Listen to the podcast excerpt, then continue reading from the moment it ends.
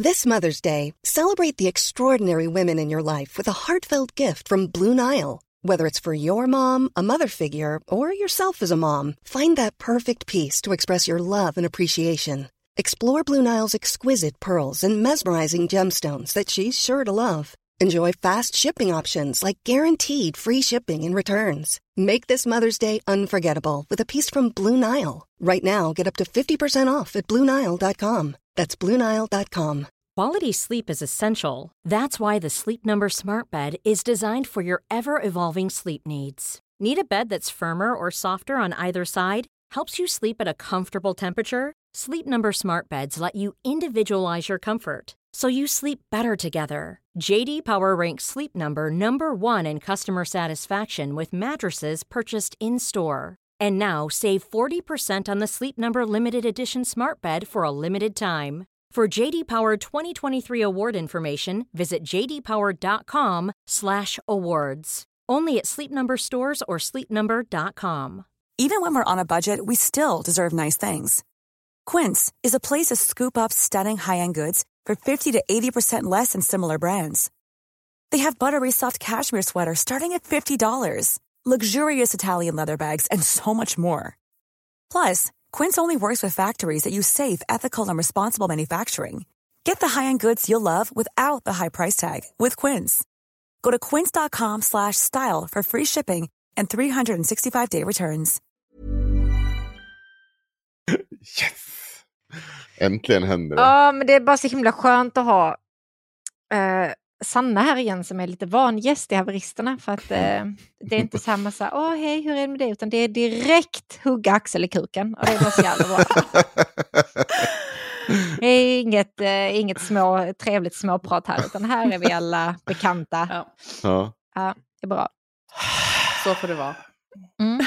Hej och välkommen till Sanna-podden. Vi är två idag. Eh, sen råkar vara två andra med oss, men vi behöver inte prata om dem. De finns. De är här. Mm. Det är ett nödvändigt ont. Mm. Ja. Kul. Ja, nej, det låter som att du vill ta introduktionen idag, Nej, Sara, så om, då kan ja, väl du det göra var det. allt jag ville säga. Nu Nej, jag okej. klar. Nej, Mm. men vad bra. Det här är ett superavsnitt av Haveristerna. Jag heter Axel, Henrik heter Henrik. Ledarsuggan heter Sanna och Sanna Vanno heter Sanna Vanno, som inte är sexolog. Ja. Idag ska vi prata jättelänge om porrfri barndom. Det här börjar nästan bli som eh, att du bara rub it in. Att jag inte är sexolog. Ja, Ja. Alltså, ja, man hade kunnat trott att hon kan någonting, men hon är ju inte Hon är ju inte sexolog. Nej. Glöm aldrig. Bara, bara en jävla lallare som springer runt. Massa jävla papper till höger och vänster. Det är perfekt, det är det vi lever på. Ja. Mm.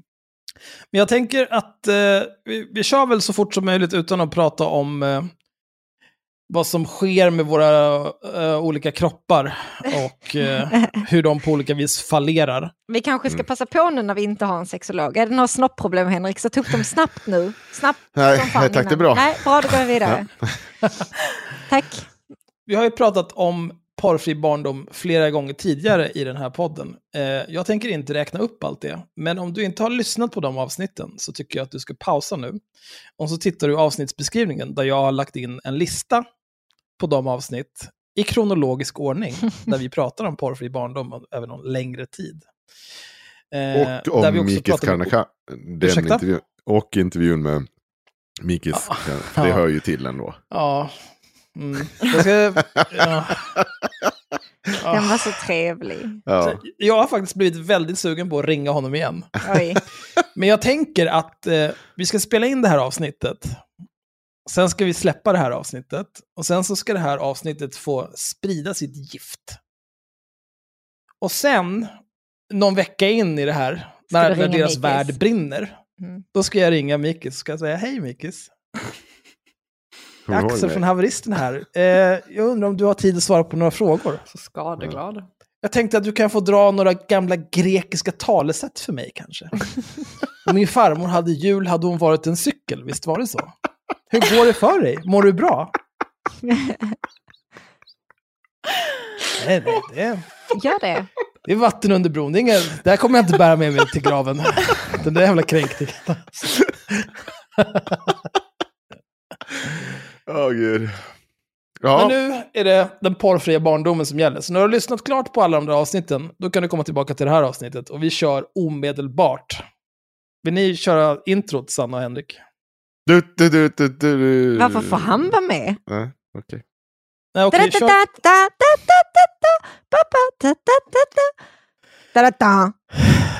Så lät det då. Jag tycker inte det är så likt. Nej, men jag vet inte hur vårt intro låter. Nej, okej. Hur kan du inte veta det? Nej, men varför skulle jag lyssna på våra avsnitt? Jag är ju här när vi spelar in. Ja, Det är faktiskt väldigt sant. Det väldigt, Jag, jag har sant. ingen aning hur vårt intro låter. Det är bara min bästa gissning. Säg till mig någon dag när jag är nära.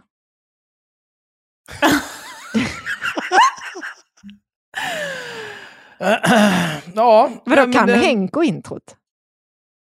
Du, du, du, du. Nej, fan, hur går det? Nej, absolut ja, inte. Ser du? Ja, ja, men, ja, skitsamma. Kör Ja, nu. det var pinsamt för det där. Magnus, du löser det där.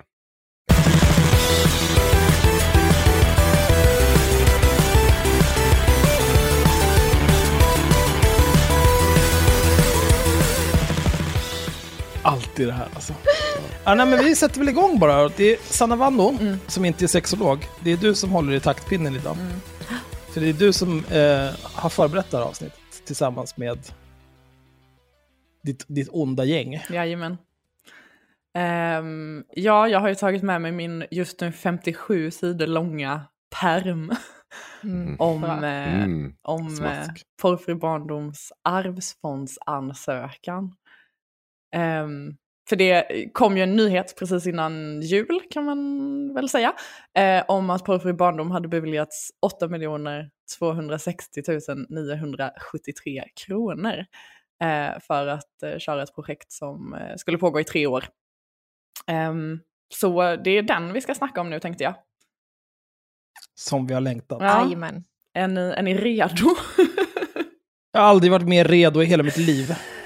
Men jag tänker mig att vi börjar lite med att prata om vad det här projektet är tänkt att göra. Så att vi fattar. Det är inte så himla svårt att gissa eftersom att Porrfri barndom inte har så himla många hästar i sitt stall. Eh, utan man kan liksom, man kan i princip gissa sig fram till vad det är de ska göra. Mm. Eh, Stoppa porren. Mm, stoppa porren såklart och det ska de göra genom sina tre, ehm, tre liksom, eh, metoder. Har ni koll på de tre? Eh, porrkritiska samtal är ett. Yes. Eh, någon typ av filter, ja. yes. Och det tredje är Jesus. Jag Nej, gissar på att åka hem till barn och skrämma dem när de har uppe på sig det. allt detta är bra förslag. Men det tredje, eh, den tredje metoden heter kroka arm. Just det. Oj, va?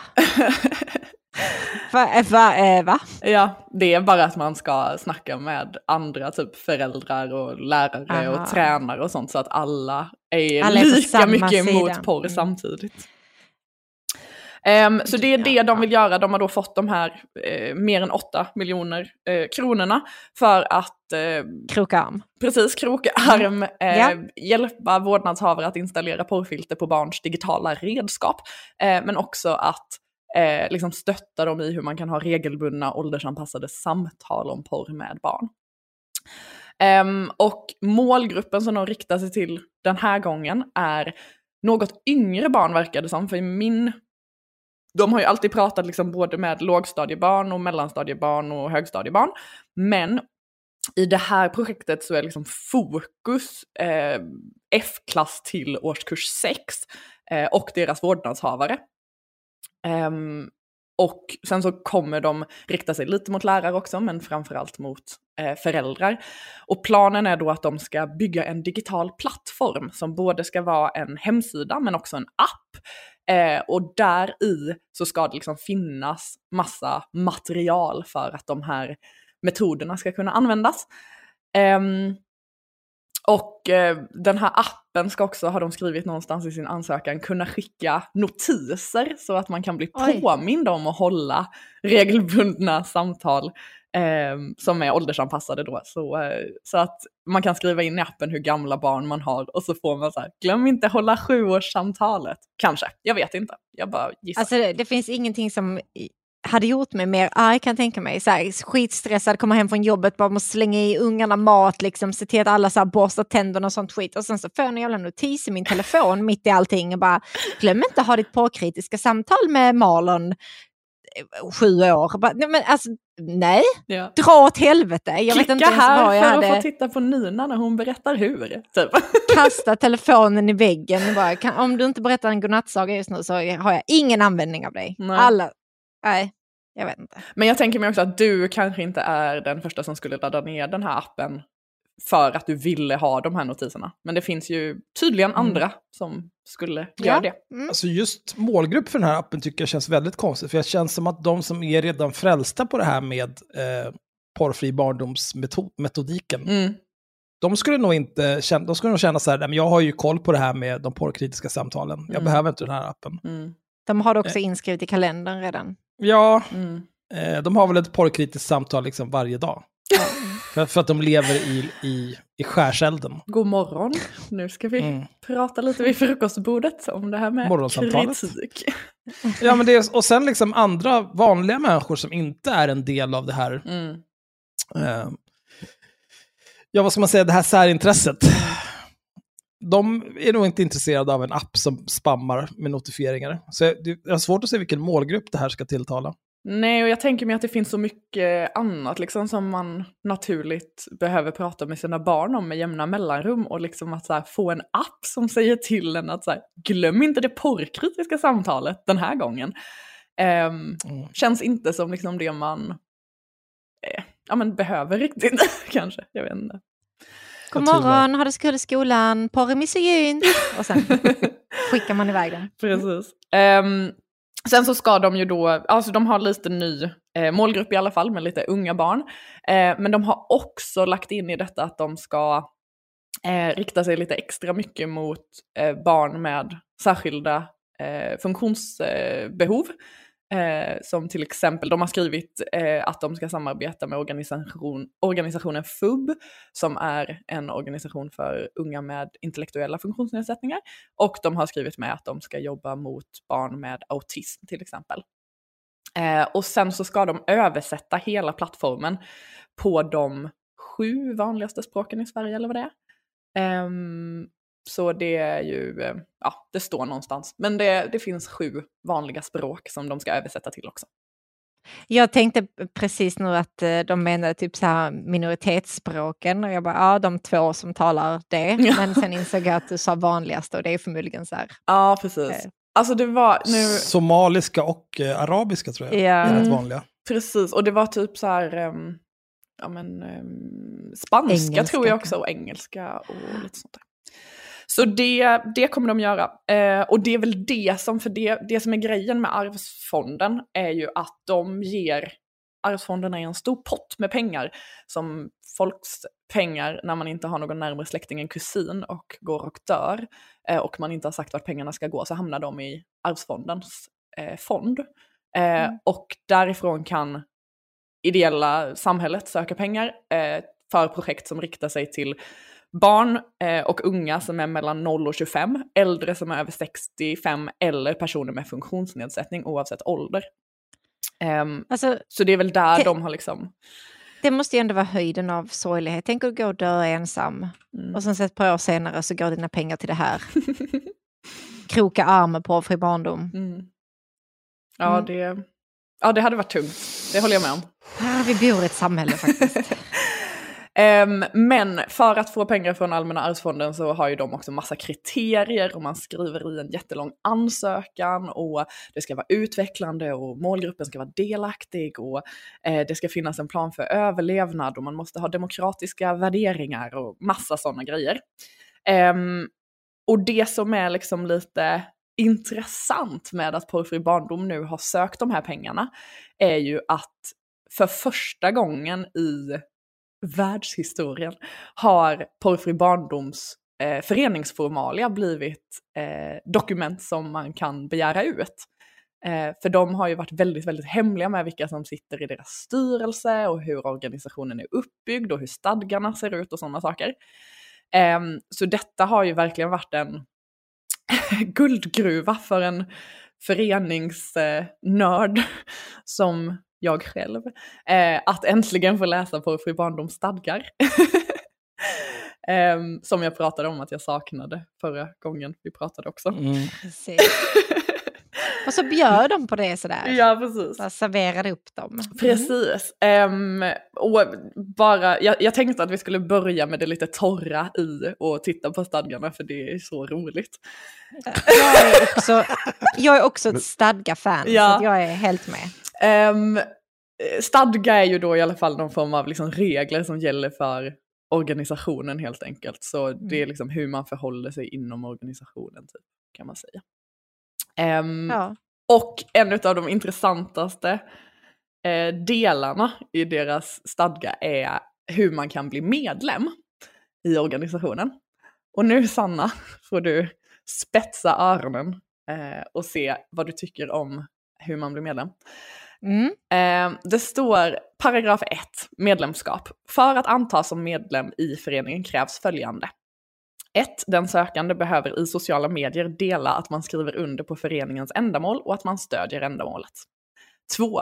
Den sökande behöver ha arbetat 100 timmar ideellt för porrfri barndom under ett år innan Oj. hen kan ansöka om medlemskap i föreningen. Ansökan om medlemskap får avslås om kraven ovan inte har mötts eller om det kan antas att den sökande kommer att motarbeta föreningens ändamål eller på annat sätt skada föreningens intressen. Beslut att avslå medlemsansökan ska fattas av styrelsen eller av den som styrelsen dele delegerat beslutsrätten till. Beslutet kan inte överklagas och motivering till avslag behöver ej ges. Oj. Ja, nej det är... Ehm, jag tycker det är väldigt demokratisk värdegrund. Eh, Jag, jag anar en viss paranoia Ja, bakom den här eh, punkten. mhm. Hur man tänker du det- för att de ska det- infiltrera föreningen efter 100 timmars ideellt Ehm, arbete. ursäkta? Och att man, Jag har ju bedrivit en liten ideell förening som heter Inte Rasismen. Mm. Eh, Vad är det? vi, Berätta mer. Ja, det det är en liten grej som jag och Axel startade för Haha.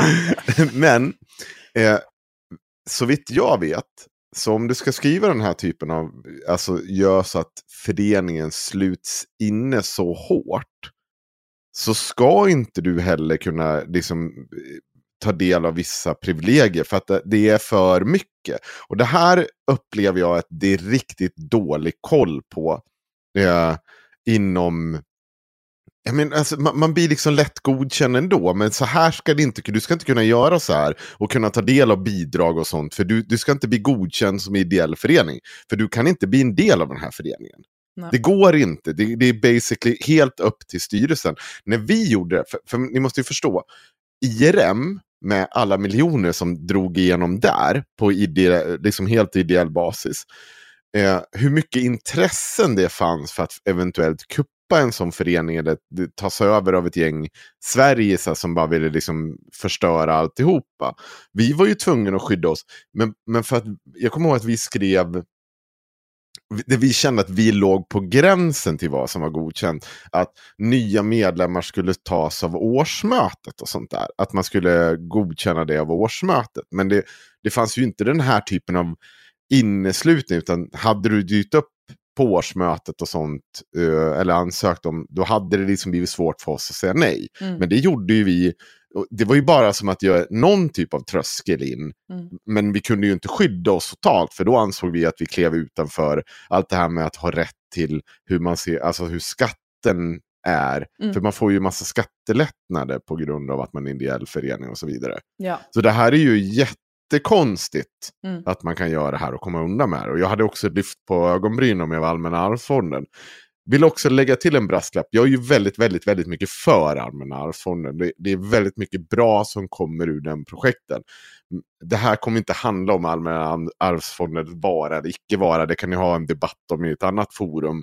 Eh, där bara för att det har blivit fel någon gång, eller det har, att man säger att man inte har granskat något nog betyder inte att hela skiten faller. Utan det Mm. här handlar om porrfri barndom och hur de har byggt sin verksamhet. Yes. Fortsätt. Ja men då gör jag det, tack. Jag menar, har ni några åsikter om det? Så? Nej men jag håller ju verkligen med om att det är, Mm. det är väldigt, ehm, det känns som att de försöker innesluta sig själva väldigt, väldigt mycket Mm. och liksom Mm. hålla den inre kretsen nära. Ehm, och liksom så här, dels den här ehm, eh, liksom delen om att här, om man på något sätt tror att den sökande kan antas motarbeta föreningen, det låter ju lite paranoid. Eh, jag tycker också att det här med att här, beslut kan inte överklagas och behöver inte motiveras, det känns också liksom väldigt, Inte så demokratiskt. nej, Nej. det känns inte så. Och sen så tycker jag ju att det är ganska galet att man under ett års tid förväntas jobba 100 timmar gratis. Alltså det är väldigt Alltså, länge. Vad är, det man, som vad är det man att- ska göra för någonting? Jag har ingen aning. Ingen aning. Det känns Det- som att de bara försöker hitta massa billig arbetskraft för att det är väldigt få personer som orkar ta sig igenom 100 timmar ideellt Ja. under ett år. Alltså det är två och en halv eventuellt månad bli- liksom. Fulltid. Ja, precis. Men för att eventuellt bli Va? medlem sen. Nej, alltså, så vänta. folk kommer ju droppa av. De kanske kommer in som eldsjälar och tycker att det här är skitbra. Sen kommer de inte palla mer. Så att egentligen så är Nej, det här vecka bara ett jag. bra... Ja, Ja. precis. Ja. Två och en halv vecka. Men, Ja. men egentligen är det här bara ett bra sätt för porrfri barndom att dra på sig massa alltså, gratis arbete. Mm, Ja, det det. men det står på deras, alltså på deras hemsida så finns det något så här typ, ehm, vill du hjälpa till? Gör det här och så typ säger de metoderna.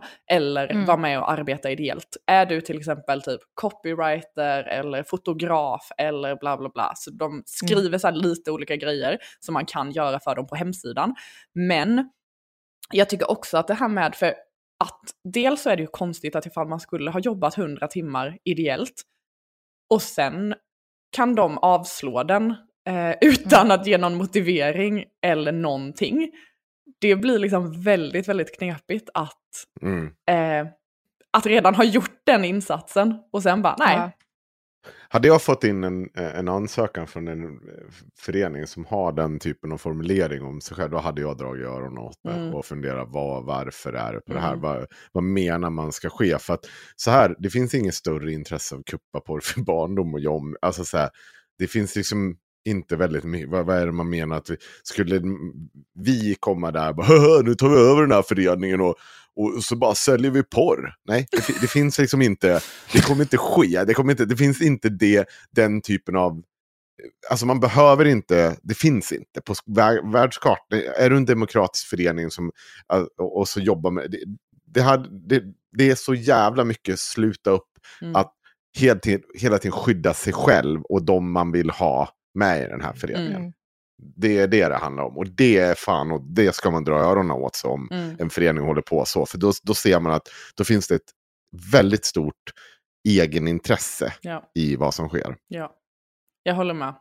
Jag tycker också Mm. det är superkonstigt. Så detta är ju en väldigt, och precis som du var inne på så finns det ju liksom möjlighet att slippa eh, betala skatt som ideell förening ifall man anses vara allmännyttig.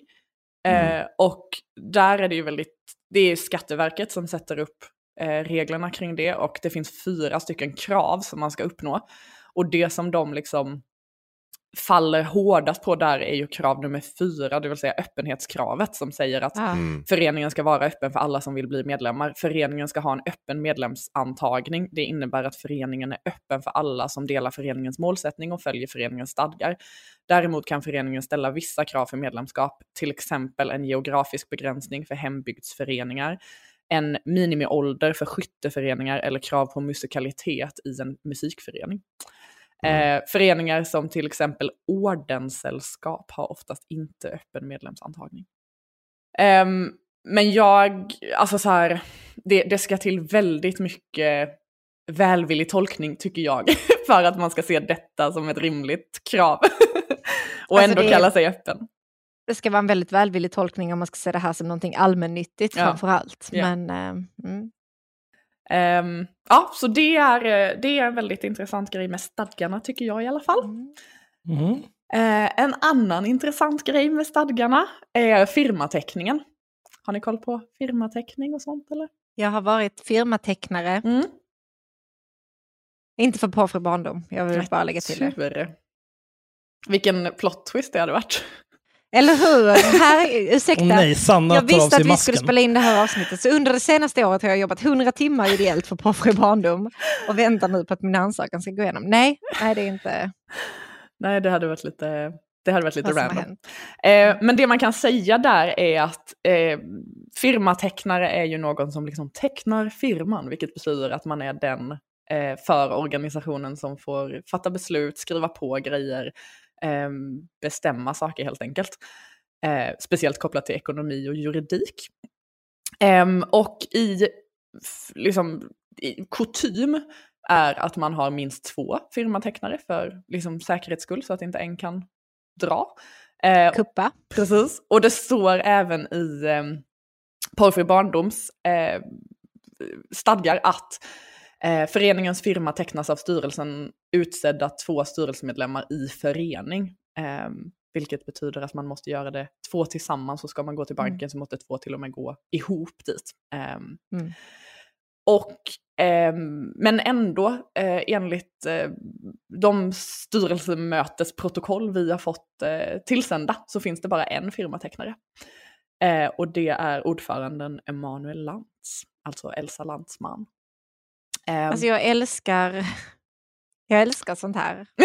jag med! Jag älskar sånt här. För att, alltså det, detta, här, detta här är lite samma sak som var med, med gardets upplösning och sånt nu senast. I, senast jag snackade stadgar. Mm. Men det är liksom ingenting som de har firmatecknat är ju giltigt. Nej. Ja, alltså det, det går ju inte för de har firmatecknat, de kan inte firmateckna. Så allting han har skrivit under det är skit. Mm. Det är absolut skit. Mm. och det är bara, det var så jävla kul. Och så kör de på och de tror liksom att man, bara, nej, det, är- det är på låtsas. Men vi har ju förstått att det är därför för ansökan eh, är underskriven av Emanuel två gånger. Nej! Så det står liksom Emanuel Lantz och sen så bara precis nedanför Emanuel Lantz. Ja, för att då var han tvungen att vara liksom lite mer ordentlig för vi har två firmatecknare. Men det är han två gånger. Ja. Nej, nej, nej, nej. Men, Det där... nej, men det där nu, är- det här, nu, nu skojar du väl? Eller hallå? Nej. Alltså det är så jävla Men det, det, är som, det är ju det är verkligen en sån här björnligan-move. Jag skriver mitt namn två gånger. Ah, Eh, ja, jag håller med. Eh, Alltså det är... det är jättekonstigt. det är ju illa nog att de har samma initialer. Liksom. Mm. Alltså, detta här är ju varför, för folk som sitter här nu och lyssnar som inte gillar stadgar. Detta Eller som bara inte har koll på stadgar. Ja, ja, men alltså det, detta här är varför, varför stadgar är så jävla roligt. Så Mm. fort det kommer någon clown som inte har någon koll på vad den gör Mm. så blir det sånt här. Vi ska ha två firmatecknare, vi har bara en. Jag signerar allting ensam. Oj nej, men här kom visst ett lite mer viktigt dokument vi skulle skriva på, typ den här ansökan om 8 miljoner kronor till Mm. våra projekt. Vänta, jag skriver mitt namn två gånger. Men jag tycker också att det är så himla konstigt att Arvsfonden bara såhär, jajamän, Emanuel och Emanuel. Hmm. Alltså, Alltså, så jag vet inte vem som har gått igenom denna ansökan, men Nej. det känns som att det behöver kontrolleras, den här processen. ja. Men, men vad, vad kan det här få för konsekvenser för Porrfri barndom som organisation? Att eh, in, ingenting de har skrivit på är giltigt. Det, allting som har med det ekonomiska att göra, det kan ju hängas på den styrelsen som har varit tillsagt, tillsatt nu. Så att alla de pengarna ska liksom gå, gå tillbaka till, om de har spenderat pengar till exempel och attesterat för det, skrivit under för det, Mm. så kan ju det bli så att eh, styrelsen som sitter nu, eh, eller Emanuel framför allt, blir skyldig att betala det ur egen ficka istället. Eh, för att det inte är, det är, du får inte lov att göra så, det står i våra stadgar, så du får inte lov att spendera våra pengar på det sättet. Eh, och det är inte kul. Stelt. Men, men det är också ganska osannolikt. Ja, jag tänker mig att ju- alltså, stadgebrott är ju inte direkt någonting som liksom... Nej, alltså då måste Nej. ju styrelsen eh, alltså pursue Mm. den biten, vilket den här styrelsen kommer inte göra det eftersom de är så fucking låsta och så en liten Ja. grupp. Ja. Men, eh, För det här men kommer det är ju vi hur ju... illa det hade kunnat gå. Det här kommer vi ju in på också, det här med att eh, det finns en väldig rundgång, eller vad man ska säga, inom porrfri barndom. Men innan det så ska jag bara nämna också att i, eh, i stadgan så står det såklart också att man ska ha en eh, valberedning. Mm. Ehm, det, har, det, alltså det är inte lag på att man ska ha valberedning, men att ha valberedning är en form av demokratisk grej. Att det är utsedda människor som är utifrån organisationen men ändå liksom sympatiserar med organisationen eh, som lägger fram vilka som ska sitta i styrelsen och därmed bestämma över Inte organisationen. utifrån organisationen nödvändigtvis. va? Utanför styrelsen. Ut, ja, Utanför styrelsen. Mm. Ja. Ehm, och eh, den första, på det konstituerande årsmötet som de hade 2018 när de skapade föreningen, då utsågs det en valberedare. Eh, men den här personen har bara kuttats bort ehm, ut med vägen. Ehm, och i det protokollet för årsmötet som vi har den 30 mars 2020, eh, som är det senaste årsmötet vi har fått trots att ehm, det står i stadgan att man ska ha årsmöte innan utgången av februari tror jag, eh, årligen, eh, så har vi ändå inte fått något årsmötesprotokoll för 2021 fastän att de skickade in ansökan i augusti 2021 då de rimligtvis ska ha hunnit ha årsmöte för 2021.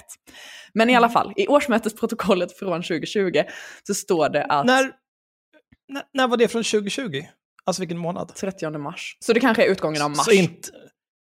Ja, okej. Jag bara tänkte, annars kunde man få dunka på dem igen så här. Ha inte före februari på det heller. Nej, nej. Nej. Nej, jag tror jag har det här någonstans men nu eh, hittar Ah, nej, det var inte så viktigt. Nej, då är det nog utgången av mars tror jag.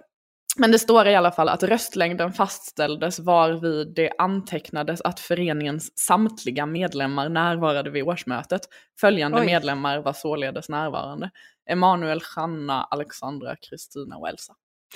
Så fem stycken medlemmar och alla var med på årsmötet den 13 mars 2020. Mysigt. Perfekt. Och det här blir ju såklart ett problem när man ska utse en ny styrelse och när man ska utse firmatecknare att liksom alla är med hela tiden.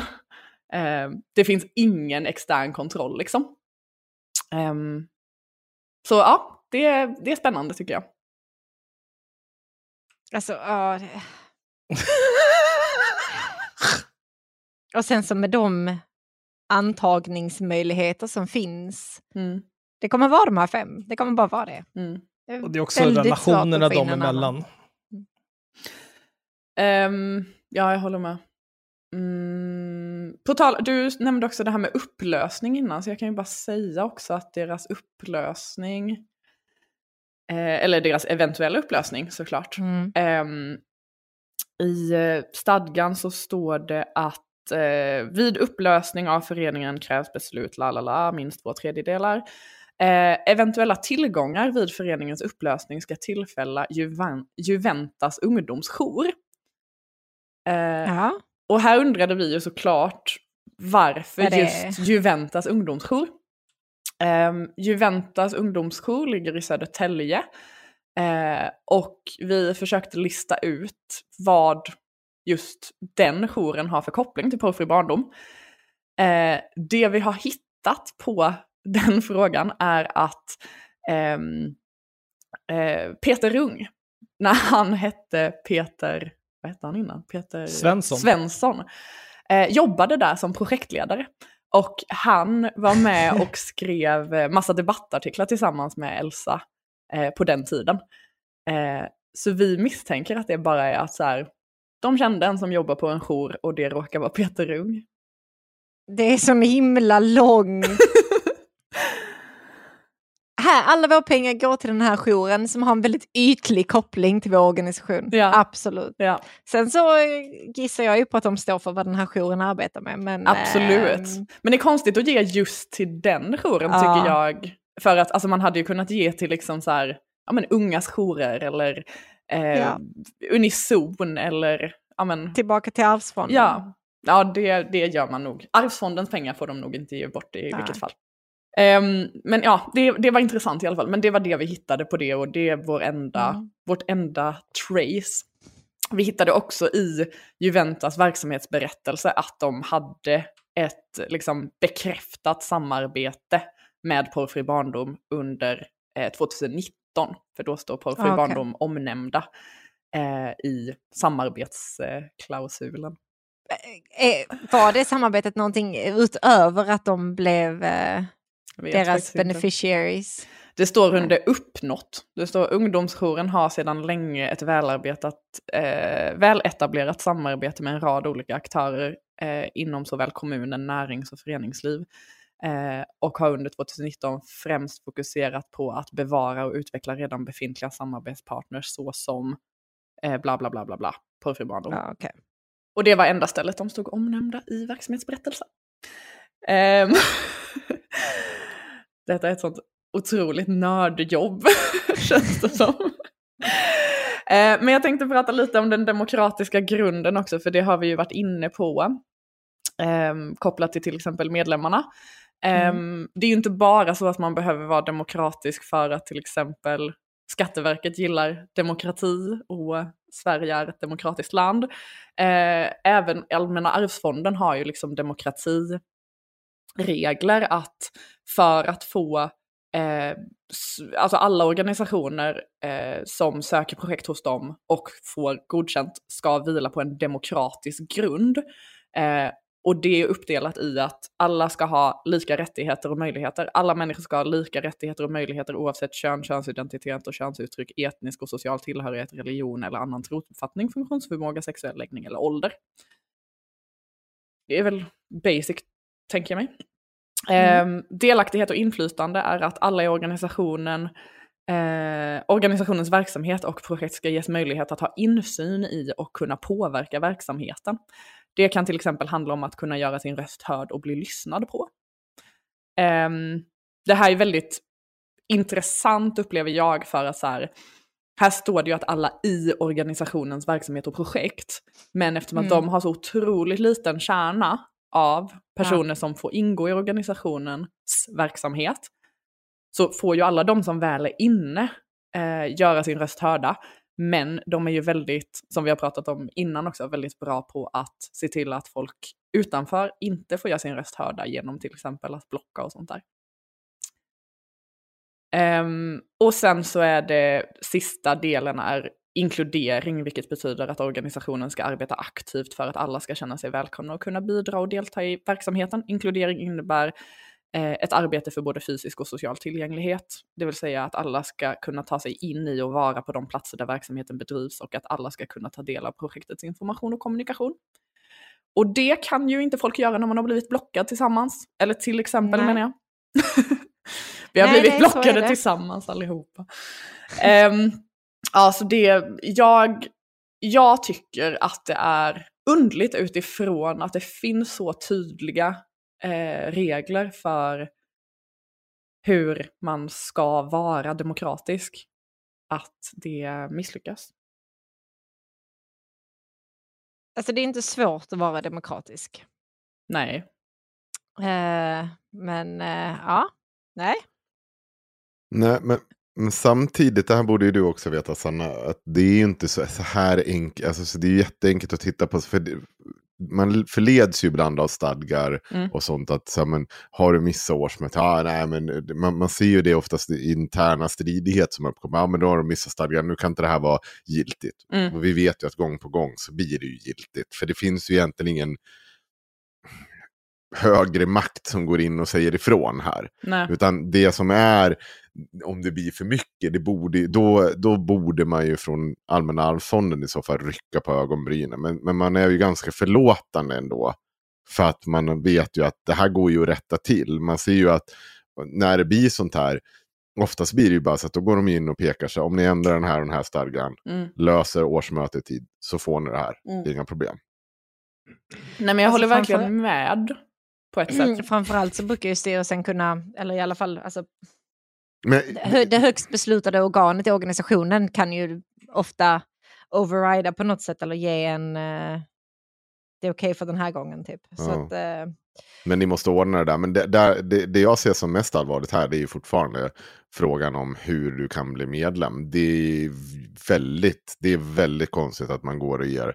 För där blir pengarna och allting så extremt slutet Mm. till en liten grupp människor. Men jag tänker också att så här, precis som vi, eller som, alltså jag tycker inte att liksom någon, några utav delarna såklart, men väldigt mycket av det här som jag tar upp idag är ju liksom bara små saker. Alltså i ideella föreningar och i allt möjligt så är det klart att liksom man inte kan vara världens bästa person hela, hela tiden och ha helt perfekta stadgar och allting funkar jättebra liksom. Men det är så mycket grejer.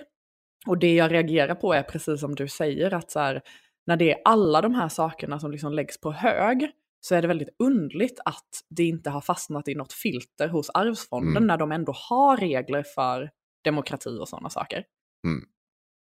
Och det är därför vi är här nu, för att kroka arm med Mm. Arvsfonden. Men Alltså, och sen så vet man ju också att så, alltså, Allmänna arvsfonden har ju ingen aning om att porrfri barndom blockar som om det inte fanns någon morgondag liksom. Eh, Men vi vet ja. ju men det vet det ju finns- vi. Så det kan vi ju säga nu. Jag är inte blockad, så att jag, jag är- byter linje helt här och är på porrfri barndomssida resten av oss. Eh, Vi kan ju säga någonting också om det här för det, det är ju väldigt intressant att de väldigt många gånger eh, i ansökan och även liksom när de pratar eh, från porrfri barndom så pratar de väldigt ofta om sitt community. Har ni hört det? mm, och eh, de pratar om sitt community som de säger består av 100 000 personer. Ehm, oj. ja. Ehm, oj, vilka fria fantasier. och, Vad baserar de det här på? ja men det ska jag berätta för er. Eh, För att de Är det, har här, 37 är, 000 det här någon, är det följare här på någon Instagram. viral bild på Instagram? För då kommer jag, då kommer jag spränga armen, arm, armen, armsfonden. Nej, jag vet inte. Förlåt, jag ska inte hota. Åh, gud. Det här jag tar ja. avstånd. ja, Ja, jag med. ja. Eh, nej men de, de har ju då som vi känner till omkring fem medlemmar. Det kan hända att de har någon mer medlem nu sen det där Mm. mötet skrevs. Eh, men ehm, det som de liksom då kallar communityt säger de består av 100 000 personer. Eh, de som följer dem på Instagram är ungefär 37 000 personer. Eh, och de säger i ansökan att de har en mejllista med 90 000 personer. Eh, Aha.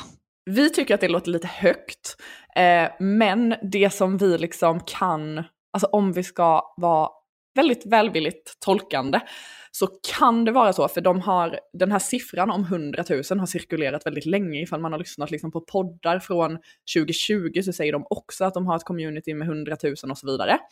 Eh, och den absolut bästa gissningen vi har på varifrån de här 90 000 på mejllistan kommer, är de här personerna som har skrivit på deras upprop. För de har ju två stycken upprop. Ett som heter typ se till att vi får porrfria skolor och förskolor. Och ett som heter eh, sätt någon form av eh, filter på porr x bank-id.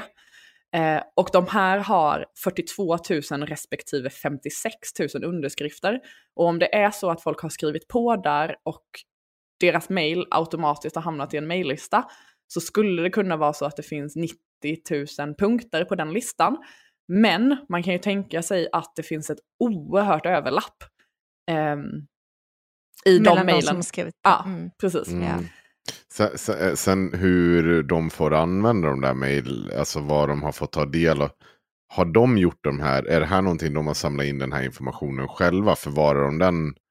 För Alltså det är ju på den här. Ja, precis. Jag skulle gissa att på Change så eh, får du namnen, mm. men inte mejladresserna. Däremot kan du säkert via de petitions du skapar skicka mejl till alla som har skrivit på. Mm. Precis. Men jag tror att För annars har, jag ingen skyddade. aning, annars har jag ingen aning om hur de skulle ha ett community på 100 000. Ehm, Vad har Mm. de för sociala medier? De har Instagram. Instagram och Facebook. På Facebook har de Det är Men- väl främst Instagram de är Ja. aktiva på. Men, Hur men många du har följare nog, har de på Facebook? jag, jag, tror inte att, jag, jag tror inte det här är en tror-fråga. Du har nog helt rätt. Du har nog 100% rätt skulle jag säga. Okej, jag säger 99%. Det, det, det låter som typiskt den här sociala media hittepå. som ska, ja, som ska berätta hur jävla stor reach de har. Och så bara plussar de på allting och beter sig som att allting är... Vet ni förresten hur man på plus på plus. räknar reach? För de hävdar också att de har eh, en reach på 53 miljoner. Absolut inte. Nej, gud Va? nej. Det är hittepå. Men De hur, ska det här, möjligt? Nej. men det är i Sverige. Deras det är Sverige målgrupp är 10 miljoner. Med, med, med lite god vilja. Nej men jag håller helt och hållet med. Vi har försökt så här, tänka, vad menar de? Alltså så här, vi har försökt liksom skapa så här olika... Jag, Jag kan tänka mig att de system har för så hur har de kommit fram till denna siffran? De har nog räknat ihop typ engagemang på Instagram över ett års tid. Ja, eller tre års Typ tid. så här, typ. ah, ah, ah. Ja, Ja, men det är så här, engagemanget på alla deras poster Ja. totalt. Mm. Men då, även då är Överallt. 53 miljoner extremt högt. Väldigt Ja. mycket. Den senaste jag- jag- posten de så- har lagt upp har alltså precis över tusen likes. Mm. Jag, b- bara så att ni, för att få ge ett- perspektiv. Mm. När IRM var som starkast, när Facebook gud. var som mest gynnsamt för Facebook-sidor. Mm. Så hade vi under månad en räckvidd på, jag tror det var 4-5 miljoner. Mm. På månad. Det var enorma siffror. Det var enormt. Och sen vet ju inte jag hur exakt hur den reachen var.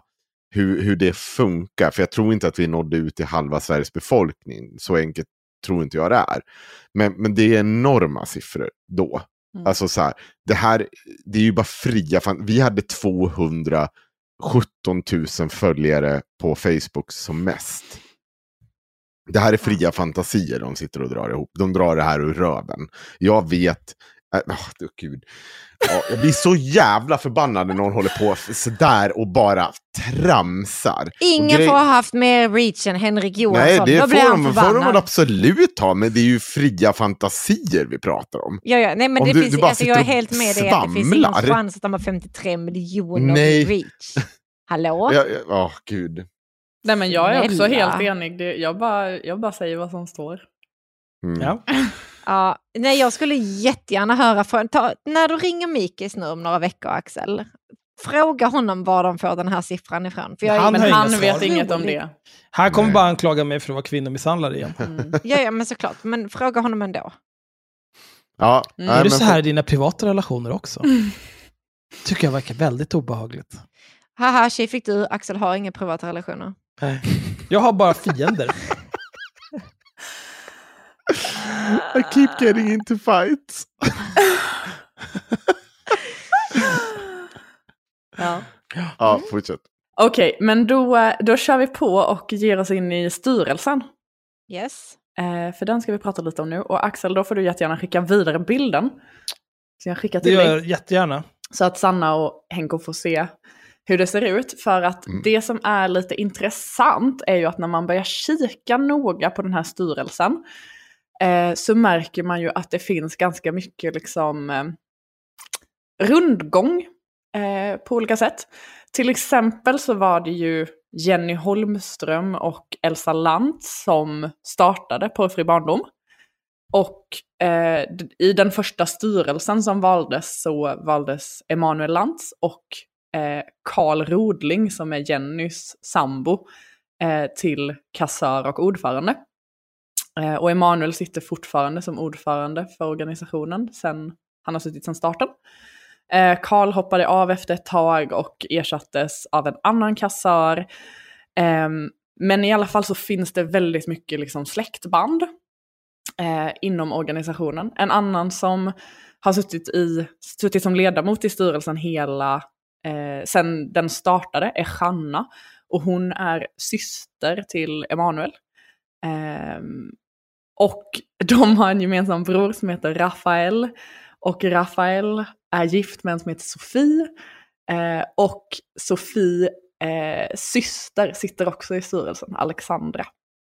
Eh, så det är väldigt tydligt att det liksom är bara så här... Och så Det är är. Björnligan på riktigt. Ja. För, ja, jag, jag, jag, precis, jag vill också fråga nu, och jag, det här kanske kommer senare, men jag måste ju då fråga, är, kan man knyta alla de här till kyrklig verksamhet också? Man kan knyta ganska många utav dem. Eh, Anna-Sara som ni ser har ingen släkting vad vi har kunnat hitta i. Mm. Eh, men hennes pappa är pastor i eh, eh, Oxelösund, eh, Philadelphia kyrkan. Ehm, och liksom eh, Emanuels familj, alltså landsfamiljen, eh, har ju kyrklig koppling. Elsa har Mm. det. Jenny och Karl vet jag inte riktigt. Eh, det som kan sägas här är också att ehm, Henrik som valdes in som eh, sekreterare på det första årsmötet, han heter också Holmström. This Mother's Day, celebrate the extraordinary women in your life with a heartfelt gift from Blue Nile. Whether it's for your mom, a mother figure, or yourself as a mom, find that perfect piece to express your love and appreciation. Explore Blue Nile's exquisite pearls and mesmerizing gemstones that she's sure to love. Enjoy fast shipping options like guaranteed free shipping and returns. Make this Mother's Day unforgettable with a piece from Blue Nile. Right now, get up to 50% off at BlueNile.com. That's BlueNile.com. There's never been a faster or easier way to start your weight loss journey than with PlushCare. PlushCare accepts most insurance plans and gives you online access to board-certified physicians who can prescribe FDA-approved weight loss medications like Wigovi and Zepbound for those who qualify. Take charge of your health and speak with a board-certified physician about a weight loss plan that's right for you. Get started today at plushcare.com slash weight loss. That's plushcare.com slash weight loss. plushcare.com slash weight loss. Men eftersom att Holmström är ett ganska vanligt namn så vet vi inte ifall Jenny och Henrik är syskon. Eh, men den teorin finns, så därför står det syskon? frågetecken mellan dem. um, så, Vi väntar väl på svar där. Ja, inte. precis. Um, så, så det liksom är så här, ja det är väldigt, och liksom så blir det ju när man startar en ny organisation, absolut. Så är det ju liksom ofta så att man frågar de som liksom är nära och de som man alltså det är ju svårt att få in folk utifrån direkt liksom, utan man behöver ju få igång organisationen. Men nu har ändå organisationen funnits ett tag och de har de här otroligt liksom eh, låsta stadgarna på hur man blir medlem och hur man Mm. kommer in i organisationen. Och då blir det lite undligt tycker jag när man kan koppla släktband väldigt enkelt till folk. Ehm, vi har också försökt kolla så här ifall folk har jobbat på samma arbetsplatser och sånt. Och vissa sådana saker verkar finnas men vi har inte liksom några säkra spår på det riktigt. Ehm, Snygg visualisering. Det är en jävligt bra bild. Men Ja. alltså jag, jag känner lite grann så här att ja, men det är klart när man skapar en ny organisation att du hittar folk som är nära dig, kanske Mm. inte oftast släkt utan oftast vänner eller andra typer av bekanta som du kanske redan har rört dig i samma kretsar som. Och skulle det nu finnas en kyrklig koppling på de flesta här så har de kanske träffats i sådana sammanhang. mm, Eh, om, om de nu inte redan skulle vara släkt. Eh, då har de nu träffats långt innan Mm. de kyrkliga sammanhangen. Men jag har också sett väldigt mycket Sopranos på senaste tiden. Och jag vet med. att det inte är Jag en bra med. grej att göra business med familjen. Alltså. Men absolut, de, de är fria att göra som de vill. Eh, Ja, men jag men- tänker, mig- här är det ju väldigt alltså, viktigt tycker jag att lägga till att så här, det, är inte, det är inte att bara säga hallå syrran, kan inte du sitta i min styrelse som är problemet, utan problemet är i kombination med att ha de här stadgarna, i kombination Precis. med att bara ha Emanuel som eh, eh, vad heter det? Ordförande och firmatecknare. Eh, och dessutom då att Elsa fram till nu när de har haft, alltså nu kommer de ju få fler anställda, men Elsa har ju varit anställd hela tiden och Elsa är ju gift med Emanuel, vilket gör att han är hennes chef och hon är den enda eh, medlemmen som inte också sitter i styrelsen, vilket betyder att liksom när det ska ges ansvarsfrihet och sådana saker så ger hon det till sin man. Och så, alltså det, det känns som att kontrollinstanserna som ska finnas i ideella föreningar, de har liksom eliminerats på grund av det här.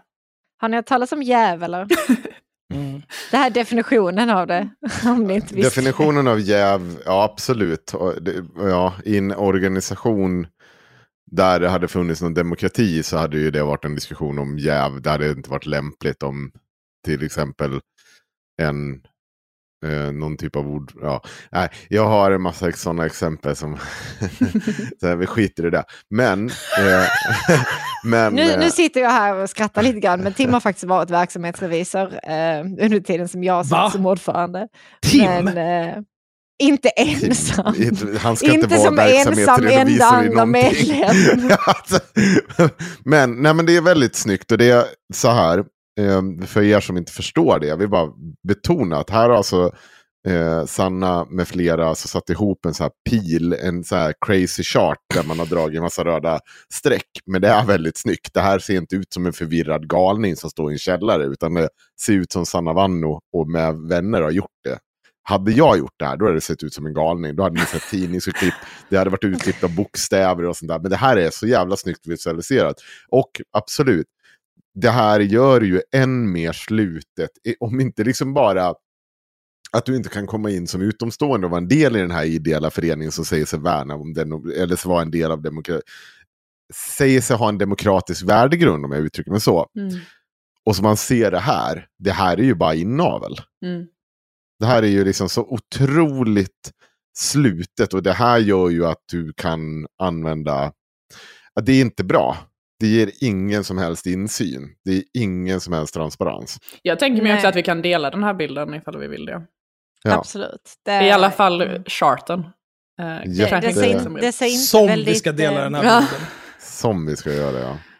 Eh, Det, det, det är inte särskilt eh,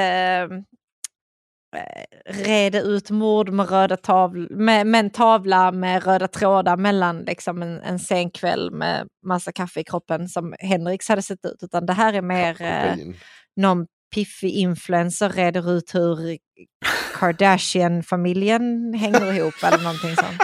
Gud, kallar du mig just piffig influencer? Det är den finaste komplimang man kan få 2022. Men Eh, bra. Den är fin. ja, tack så mycket för det. Jag tycker att eh, det är lätt att se. Ja, det är det. Ehm, Så det, det, här, det här var på väg. Ehm, men, men det här är väldigt eh, intressant då såklart och vi har liksom eh, ehm, kollat lite på ja, men, kopplingarna här också hur de... Jo, det var det jag skulle säga. För i stadgan står det ju som ni säkert minns att ett av kraven är att man ska ha delat på sociala medier, att man står bakom Porrfri barndoms ändamål. Ja. Eh, och även att man ska ha jobbat eh, 100 timmar ideellt. Ehm, och vi har försökt, eftersom att det är svårt att hitta ifall de har jobbat 100 timmar ideellt, så har vi försökt leta efter ifall de har gått ut officiellt med sin, eh, att de stöttar eh, Porrfri barndom eh, i sociala medier. Mm. Och vi har inte hittat så himla mycket sådana inlägg. Det är liksom så typ någon incheckning på Porrfri barndom någon gång och det är liksom någon like här och där. Men i övrigt så är det svårt att se ifall de har uppnått kriterierna för medlemskap. Och det är ju Ja. såklart upp till styrelsen att avgöra. Men det är ändå så här, det är lite lurigt också. Mm. Ja, så ska man ha regler då får man ju se till att Precis. följa dem. Mm. Men det är, ju, det är ju en annan grej som blir när det är en sån här, som Henrik sa, inavlad organisation. Att ja, ja, nej, men vi vet att den ändå står för det och vi vet att det ändå är så. Alltså, så man börjar tumma på reglerna liksom. Mm. Eh, och det, mm. Ja, jag tycker det är lite, lite problematiskt. Någonting vi har tänkt på. Ehm, det finns ju också, de har ju, alltså de jobbar ju då med att de har den här styrelsen. Och sen förutom styrelsen så har Porrfri barndom det som de kallar för advisory board. ehm, som har varit lite på tapeten senaste tiden. Ehm, och det kan sägas att liksom Mm, det, det är inte, det finns, vi har inte klarat att hitta någon definition för liksom så här, vem som får ingå i advisory boarden, vad man har för uppdrag när man är där, eh, hur länge man sitter, vad som liksom krävs av en eller så. Eh, utan det verkar bara mest vara att så här, har du någon form av kunskap som kan legitimera vårt arbete så eh, sitter du i vår advisory board. Ehm, när det här dokumentet skrevs, eller när den här delen av dokumentet skrevs den 25 första, ehm, så satt det fem personer i advisory boarden och det var Harry Skärlund som vi känner till, Linn Hed som är psykolog, Erik Modig som är eh, kommunikationsdoktorand av något slag tror jag, eh, Roger Nilsson som är beroendeläkare och Patrik Vincent som eh, driver eh, Dataspelsakuten bland annat. Just det. Ehm, mm. Men vänta, är det, inte, är det han jag ringde en gång Har du ringt någon på dataspelsakuten? Nej, men det var ju det dokumentet som vi har som är tomt fortfarande än idag. Var inte det? Men, men jag har för mig att jag ringde någon eh, som hade en så här beroende... eh, Som, som satt och svamlade. Det här, är, det här Någon måste ju ligga på Patreon kan göra en eller insats någonting. och eh, berätta när eh, Henrik har Henrik har pratat med Ja. Patrik Vincent, om han har gjort det. Mm. Patrik Vincent kallar sig i alla fall beroendeterapeut. Ja. Eh, Mm. Och är vd på Dataspelsakuten, Shoppingakuten och Internetakuten. Mm. Eh, I kommunikationen hos Porrfri barndom är fokus främst på Dataspelsakuten, eh, som är en mottagning för personer som upplever sig ha ett problematiskt förhållande till dataspel. Då. Ehm, och liksom så här, det är, han är väl säkert superbra på det han gör, men sammanfattat så kan man ju i alla fall säga att Patrik Vincent har ganska mycket att vinna på att det finns beroendediagnoser eh, som saknar stöd i forskning. Eh, och att den typen av eh, saker fortsätter diskuteras. Så att han liksom stödjer det här eh, som vd på tre olika beroende eh, grejer eh, är lite intressant tycker jag i alla fall. Ja, det, det är väl lite ett visst jäv även där. Ja, Han- är inte en helt opartisk part i det här. nej precis. Det kan man tänka sig. Ehm, sen så den här Linn Hed, eh, hon är ju, eh, hon, hon kallar sig legitimerad psykolog eh, och sexolog kanske. Ehm, Mm, jag vill minnas att hon är sexolog. Ja, jag tror också det. Precis. Så där har jag mött min överman. Mm. Men hon i alla fall har bland annat skrivit ett kapitel i Stora porrboken. Eh, Och har också gått i god för Porrfri barndoms egen bok, Porrsnacket, eh, genom att signera den med en sån recension som liksom sitter på framsidan där det står så här, mycket bra bok, Linn Hed, legitimerad psykolog, typ. Perfekt. Eh, och jag har också sett för eh, Jenny Holmström som eh, var med och grundade Porrfri barndom. Hon har nu startat en app som heter Coupleness. Eh, som handlar om att man ska lära känna sin partner genom att typ kryssa i hur man mår och få lite samtalsövningar och sådana saker. Du ser kritisk ut Axel. Ja, äh, men det här låter som... Eh, det här låter som trams. Ja. Men det har i alla fall Linn Hed gått i god för också, för på Coupleness hemsida så står det en, eh, en glatt leende Linn Hed och säger woho vilken bra app.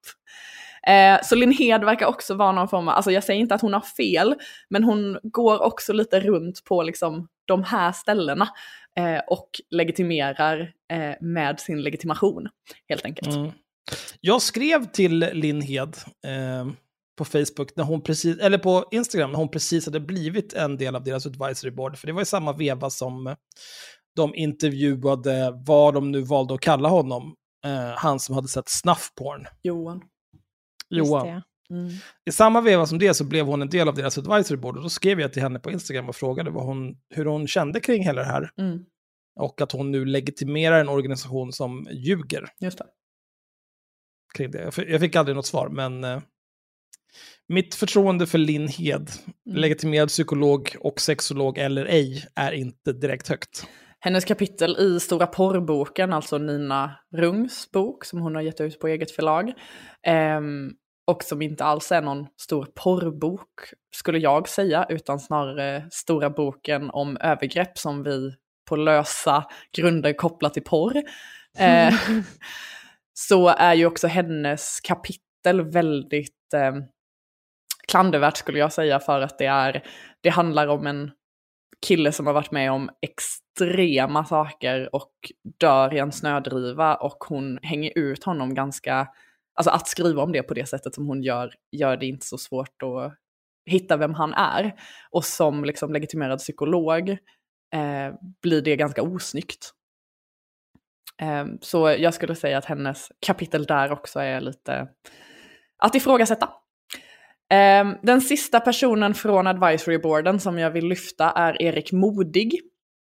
Han är kommunikationsforskare på Handelshögskolan eh, och han säger, han är liksom deras alibi för att det här med ett filter i huvudet inte är någonting som fungerar.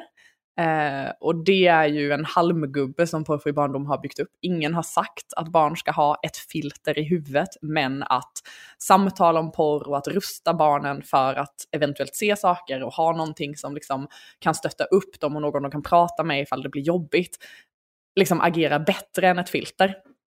Eh, han lyfte också jättekonstiga, alltså så här, i ett inlägg som liksom han har signerat från Porrfri barndom så står det givetvis ska vi prata åldersanpassat med barn om nätporr, precis som vi pratar om barn med alkohol och, eh, om, med barn om alkohol och tobak. Men det är även nödvändigt att begränsa tillgången. Vi skulle aldrig ställa en dunk vodka bredvid mjölkdunken i skolmatsalen och endast förlita oss på att samtal med barnen eh, skulle hjälpa mot att de skulle ta alkoholen. Det är att lägga ett alltför stort allvar på, eh, ansvar på barnen. Vilken, Men gud. Ja, exakt Vilken likadant är det. Helt sjukt. exakt likadant. Jag, jag kan nästan garantera att om du skulle ställa eh, tidigare. Nu är jag helt en dispenser med vodka, typ Explorer, Mm. bredvid mjölken i en skolmatsal för jag, jag vet inte, eh, mellanstadiebarn, eller lågstadiebarn, så de är så oroliga för att ska se porr. Mm. Jag tror eh, de skulle nog testa att ta en liten klunk Explorer, Mm. spy rätt ut Mm. och sen hålla sig till mjölken. Alltså jag är, jag är väldigt säker på det också. Och Mm. jag tror att porr många gånger funkar så också. Att man kanske ser någonting, men man tyckte inte att det var så himla trevligt. Så man går ut därifrån och så får det gro några år. Precis som med alkohol ibland får göra. att Provar man så kommer man kanske tillbaka senare. Mm, med, med, med den stora skillnaden att Nej. ingenting av i beroendefaktorn är detsamma. Det finns inte där. Ehm, det kan också sägas att, eh, alltså så här, Erik koppl alltså, kopplas ju till detta för att han ska vara kommunikationsexpert och proffs på att prata med barn och hur det funkar. Han har forskat på reklamkommunikation. Eh, och vi har hittat att Elsa och han verkar ha varit vänner redan sedan 2010. Så det känns också som att han är lite så här, mm, men du har ju det här bra eh, ämnet som du forskar på. Kan inte du säga att, ehm, Elsa Lantz har ju tidigare jobbat med PR. ja, till Eh, exempel. Och hon har likat då inlägg från honom från 2010. Ehm, och sen så är det så att Erik är gift med en... Verkligen suttit och Facebook-stalkat henne. Jag har, mina, jag har mina små troll till att göra det, så jag har faktiskt inte gjort något av just detta. Mm. Jag är inte så mycket för personsök. Mer stadgebrottsök. Eh, men Erik är gift med en Carolina Modig och som en slump var Carolina Modig redaktör och redigerare för Porrfri barndoms bok Porrsnacket. Såklart. Eh, Då, då ska jag brasklappa lite för lyssnarna också såklart. Att en like från 2010 inte nödvändigtvis betyder ett jävla skit. Men om du återkommande ser det här mönstret, att du ser personen som, så här, men det, Mm. det finns en personkoppling där så här långt tillbaka i tiden. Då är ju inte det Mm. konstigt. Alltså, men, ja, men då vet vi att det finns där. Det finns liksom att det är... Mm. Jag vill också, precis som du är inne på, tydliggöra att jag är fullt Men- men- medveten om att detta inte, alltså en och en räcker som bevis för att de är en eh, inavlad organisation. Men allting tillsammans bidrar till eh, helheten så att säga. Ja. Det är, det är många saker som allihop pekar på en sak. Men jag skulle också se, vilja säga att just att det är en, en väldigt inavlad organisation tycker inte jag nödvändigtvis behöver vara klandervärt i sig. Precis som vi var inne på tidigare, att man, man vänder sig ju till de som är närmast. Liksom. Mm. Det är onödigt. Om jag vill, vill jag hitta någon som är rödhårig och pratar skånska, då kommer inte jag gå ner på byn och leta. Då kommer jag ju ringa Sanna bara. Mm. Framförallt eftersom du bor i Stockholm. Hur många finns det? Ja, men jag håller med. Sidan. Jag håller med. Det som jag tycker är lite klandervärt i allt detta är bara att de... Det, alltså jag tycker ju också att det är så, jag, känner jag någon som är bra på någonting så frågar jag ju självklart den innan jag letar runt. Liksom. Men det är så många och dessutom är det det här med att eh, det som Porrfri barndom säger och propagerar för är så många andra emot. Men de har ändå sina liksom små figurer som liksom bara står och säger jo detta är bra, jag håller med, jag håller med. Och då fattar man lite mer varför de fortsätter säga så fastän att det finns jättemycket bevis för motsatsen. När det kan vara så att de kanske är vänner. Och sen också i kombination med de här stadgarna som gör det väldigt tydligt att de inte är överhuvudtaget intresserade av att få in några yttre influenser. Och inte bara det, men, men just det där som du säger, så att Mm. en expert helt plötsligt kanske är en vän. Det, då är inte experttiteln som du försöker framhäva här jättemycket värt. Eh, Om du kollar på, det, det tycker jag är jätteintressant. Ehm, när vi gjorde ju tidigare för ett par år sedan, en, det pratade vi om tidigare också, en eh, granskning av det här fallet med, eh, vad heter det här kidnappade Elias. barnet som vi kallade det. Eh, ja men Elias-fallet ja. Eh, och där ser man också eh, när, eh, att, när dokumentären kom om det fallet på SVT, att, rädd, eh, att, ge, vad var det, att rädda ett barn eller vad det var. Då visade sig också att ex, e- experten hade den här typen av kopplingar jättelångt tillbaka till de här som skulle då frita Elias från hans Mm. pappa och hej och hå. Mm. Så det, det, det är intressant, Mm. det är värt att lägga fram. Ja, men jag, jag är helt enig i att så här, det, är- det är små grejer, men det är många bäckar små och så vidare. och så vidare. Ehm, sen så tänkte jag att vi skulle ta en till eh, grej kopplat till det här med eh, alla känner alla och eh, jäv. Ett kanske mer riktigt jäv. Och det är ju, vi ska också säga först att Emanuel Lantz jobbar just nu på ett företag som heter Octo. Eh, han eh, slutade jobba på ett annat ställe eh, i eh, hösten 2019 och startade då tillsammans med liksom ett gäng kollegor det här eh, nya företaget Octo, där han blev, ehm, vad sa vi, business head of, nej inte det, vad, vad blev han? han blev, Managing partner. Ja, managing partner. Det var på hans gamla företag som han var, det här som jag började säga. Eh, men han jobbar i alla fall på Octo. Och ehm, som av en slump så jobbar Octo med grejer som eh, är möjligt att ta fram eh, hemsidor. Och eh, den huvudbilaga som ligger lagd som så här, de här ska vi samarbeta med mig och ta fram våran eh, hemsida som har en offert på eh, 850 till 1 350 000. Eh, någonstans däremellan, runda slängar. Eh, den är från Octo. Det är så himla tokigt hur det kunde bli så. Ja.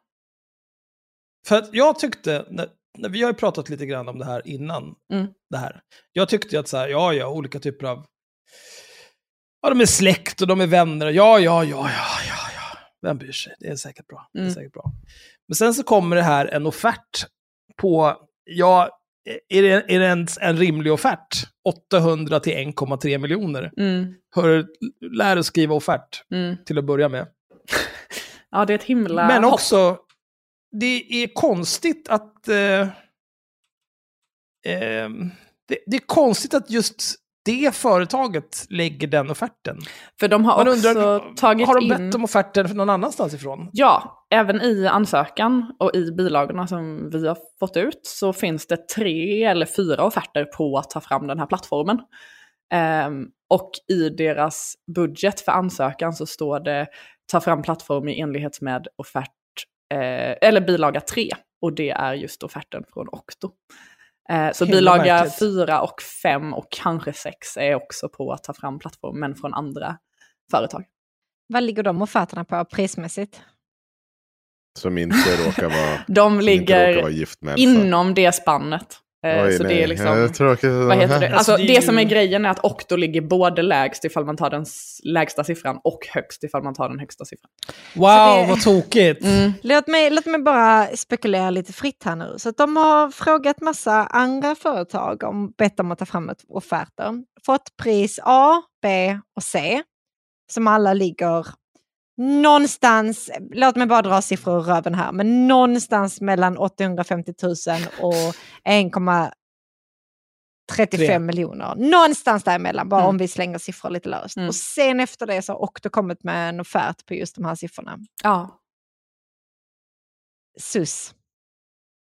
Hellasas. Mm. Hela SAS, alltså så här kan man inte bete sig. ja, det är verkligen, eh, det är verkligen spännande. Mm. Men det är ju inte bara för att det här är Elsas man, det är ju inte bara det. Emanuel sitter ju för fan i styrelsen för Porrfri barndom. Inte bara i styrelsen, han är ordförande Han är- och firmatecknare.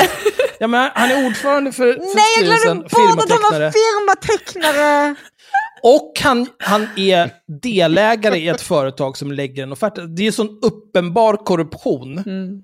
Och han har det- skrivit på ansökan gånger två. Men Ah, men va, så här- Vilken position hade han i Octo? Det vet jag inte, men han, hans titel är managing partner. Mm. Ehm, och det kan ju vara delägare. Han var i alla fall med och startade företaget, Ja. men jag vet inte om han är delägare.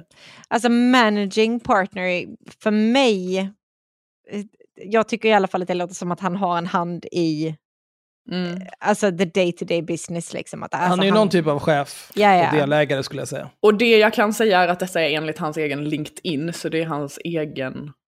eh, Det, det är det som är så provocerande också. Att de, Ah. ingen som helst försök att dölja den här totala korruptionen. mm. Det här är ju värre jag, jag tror än... att vi ska passa oss att kalla det korruption. Du, jag har inga som helst problem med att kalla det korruption. Men, jag, jag, jag tänker att vi ska passa oss för det. Mest för att eh, jag vill inte bli dränkt i förtalsanmälningar från Mm. honom. Så att jag tänker att vi backar på korruption. Ja, precis. eh, och det, det vi ser här varje gång när någon försöker säga emot Axel, det är att när det kommer upp två knutna nävar här i bilden. Mm. Men, eh, nej, men vi ska passa oss för det. Men Mm. däremot så kan vi fortfarande diskutera det utifrån perspektivet. Det här eh, verkar Alltså, kan- lite... Om man säger så här, säg att du eh, är, är, eh, du är delägare i ett företag. Ja. Han, han är väl förmodligen liksom inte 18 år gammal, det här är första företaget han startar, första jobbet han har, utan han har förmodligen lite, lite erfarenhet av att jobba, förmodligen lite erfarenhet av att lägga offerter, förmodligen lite erfarenhet av den här branschen de jobbar i och hur det funkar. Mm. Du är också ordförande för en ideell eh, förening som Mm. äskar pengar från Allmänna arvsfonden. Mm. Eh, och sen så inser du så här att ja, okej, nu behöver vi ju en grej här. Och, nu, och det här är den absolut välvilligaste tolkningen. Vi behöver den här grejen, inte vi uppfinner att vi behöver den här grejen så att jag kan lägga en offert med mitt bolag och dra in 1,3 miljoner på ingenting. Mm. Men vi behöver den här grejen. Mm. Ja, det här är ju någonting vi kan göra på, Okta där jag jobbar. Men vet du vad? Nu sitter jag lite grann i en jävsposition här, eftersom jag är ordförande i den här föreningen. Och delägare i det här företaget. Så vet du vad jag kommer göra? Vi kommer nog inte lägga en offert på det här. Vet du varför? För att jag är en hederlig person. Mm. Så, kan- hade man så- kunnat göra. Så hade man kunnat göra. Eller så kan det av en. Stanna händelse där! Stanna där! Dyka upp en offert som ligger under det lägsta budet och över det högsta. Samtidigt. Wow! Ja, Nej men jag håller med, och ifall det nu är så att Okto har den här tjänsten att de skulle kunna bygga en plattform, då är det ju toppen att liksom kanske Emanuel kan fråga runt lite på jobbet. Vad hade det typ kostat? Var ska det ligga? Eh, när man tar fram en hemsida så att man vet hur rimliga de andra offerterna är. Eh, det finns ju inget fel i det ifall man nu ändå sitter på den kompetensen. Absolut inte. Men att ta in offert från och dessutom välja att det är den vi ska gå på i ansökan. Men också de här andra offerterna. Mm. Ska jag ta fram dem? Alltså kan vi inte titta lite på dem bara?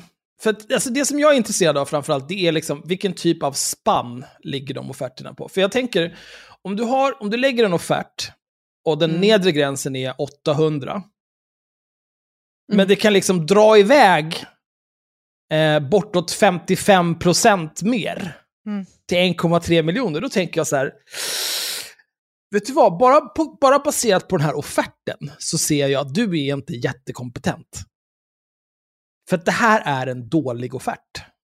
alltså, det känns nästan som att de har tänkt hela tiden att Okta ska få göra detta, men för att legitimisera eh, alltså the pricing point lite mer så har de valt att ta in offerter från andra företag så att de vet att de lägger sig på typ en rimlig nivå med prissättningen. Mm. Den här Annars hade de nog offerten, kunnat lägga mer pengar där. Den här offerten som är från Kreativa byrån tror jag, om den här första sidan laddar. Ja, kreativabyrån.se. Den ligger på 1 miljon 56 000. Mm. Bara det, inte ett Mm. spann på en halv miljon. Nix. Märkligt. Det är nästan som att eh, Och om, det man har, om man har var, en kravspec. det var med moms. Mm. Men det är nästan som att om, eh, om man får en kravspes på Mm. någonting som är ganska standard att göra, då kan man berätta hyfsat accurately vad det kommer kosta. Mm. Det är också en ganska specifik summa, 1 056 000. Ja. Det känns som att någon har suttit och räknat lite grann där på hur många timmar det kommer Precis, gå det är åt. någon som har gjort ett arbete bakom den här Ja. offerten och kommit fram Mm. till att detta är vad det kommer kosta. Nästan som att det är vad en offert är. Mm. I offerten från Studio Hilma, där kommer det eh, kosta eh, 1 175 000. Wow, det är väldigt nära den andra offerten. Mm. Det är ju Vad konstigt. menar du med det? Nej, men det är som att liksom två olika företag som gör, jobbar i samma bransch, som får en kravspec på exakt samma sak, kommer fram till väldigt lik tidsåtgång och kostnad för att utföra den här saken. Det tycker jag Mm. är otroligt. Mm. Men nu vet jag inte, det kan jag gå tillbaka och kolla. För här, Studio Hilma har skickat två stycken bilagor. Eh, och då är det, den ena var för själva internetplattformen. Och sen kommer det kosta 250 000 till för eh, appen. Mm. Eh, jag ska se i femman här ifall det står någonting om appen. Ah, Jag, jag, jag förstår inte hur man kan göra så här faktiskt. Nej. The audacity. Mm. Det är det som är mest provocerande egentligen. Att det är ju, alltså det är ju som liksom Irene Svenonius, Nya Karolinska, Boston Consulting Group. Bara, vad gör ni? Din man jobbar där. Hallå? Fakturor utan underlag på fan tiotals miljoner. Den digitala plattformen ska bestå av en app och en portal. Så i den andra var appen inlagd verkar det som. Eller inräknad. Ja, okej.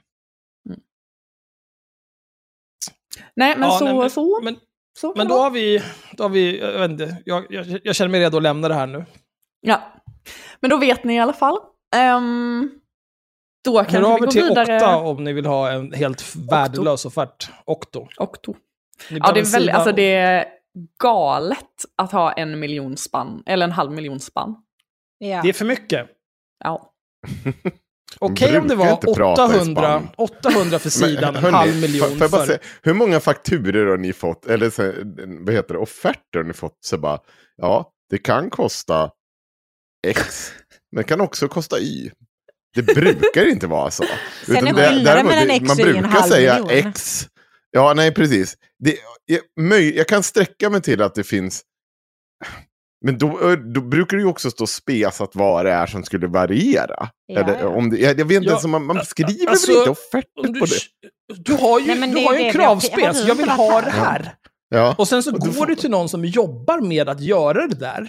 Och Ja. de har gjort det där förut och har erfarenheten som krävs att säga. Det kommer ta så här lång tid och varje timme kostar så här många Ja. kronor. Det är ingen jävla spann på en halv miljon. Vad är det för trams? Eh, då tycker jag vi pratar lite om de tre metoderna. Gud vad mysigt. Är ni taggade? Absolut, jajamän. Gud vad det känns som att jag bara pladdrar, men det är också min perm så. Ehm, Det är din bö- börd att bära. Ja, det är det. Jag vet inte om man säger börd, men skitsamma. Nej, Ehm, börda. Bö- ah, gud, herregud, ni sitter så här.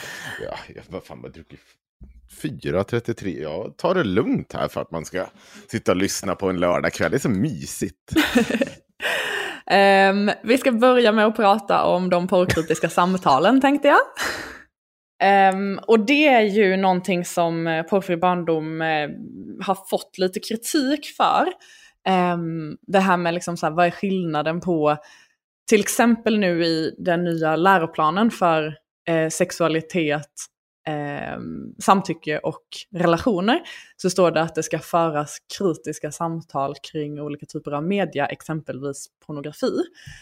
Um, och skillnaden, alltså jag tycker att det är en ganska stor skillnad att föra kritiska samtal omkring någonting och att föra porrkritiska samtal. Um, ni nickar lite, tänker lite. För att... Jag tänker mig att man kan, alltså kri, porrkritisk, då är det så tydligt att det är liksom porren som kritiseras. Eh, medan i ett kritiskt samtal om porr så har man en reflektion kring porren, man kan diskutera de könsroller som finns i porren. Det behöver inte liksom per definition vara negativt. Förstår ni hur jag Fast, menar?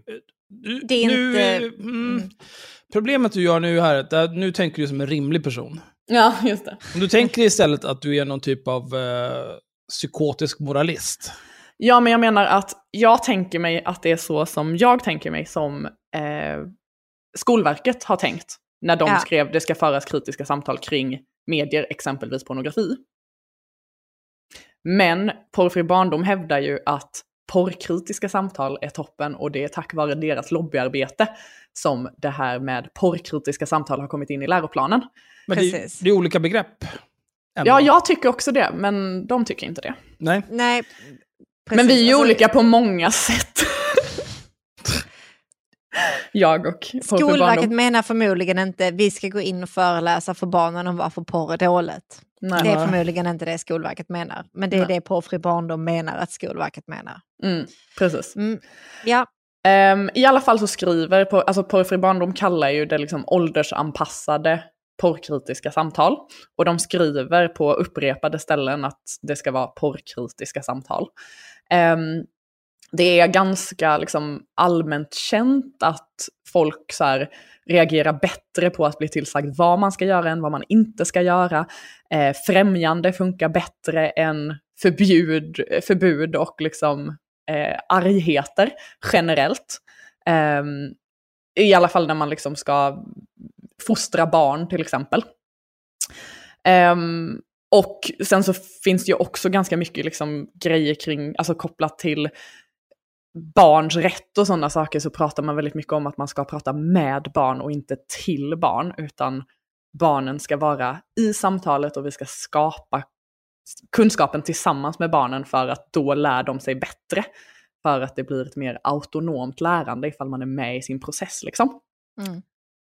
Ehm, och detta får ju också självklart liksom jättemycket stöd i till exempel Barnombudsmannens rapport, eh, som vi pratade om förra gången.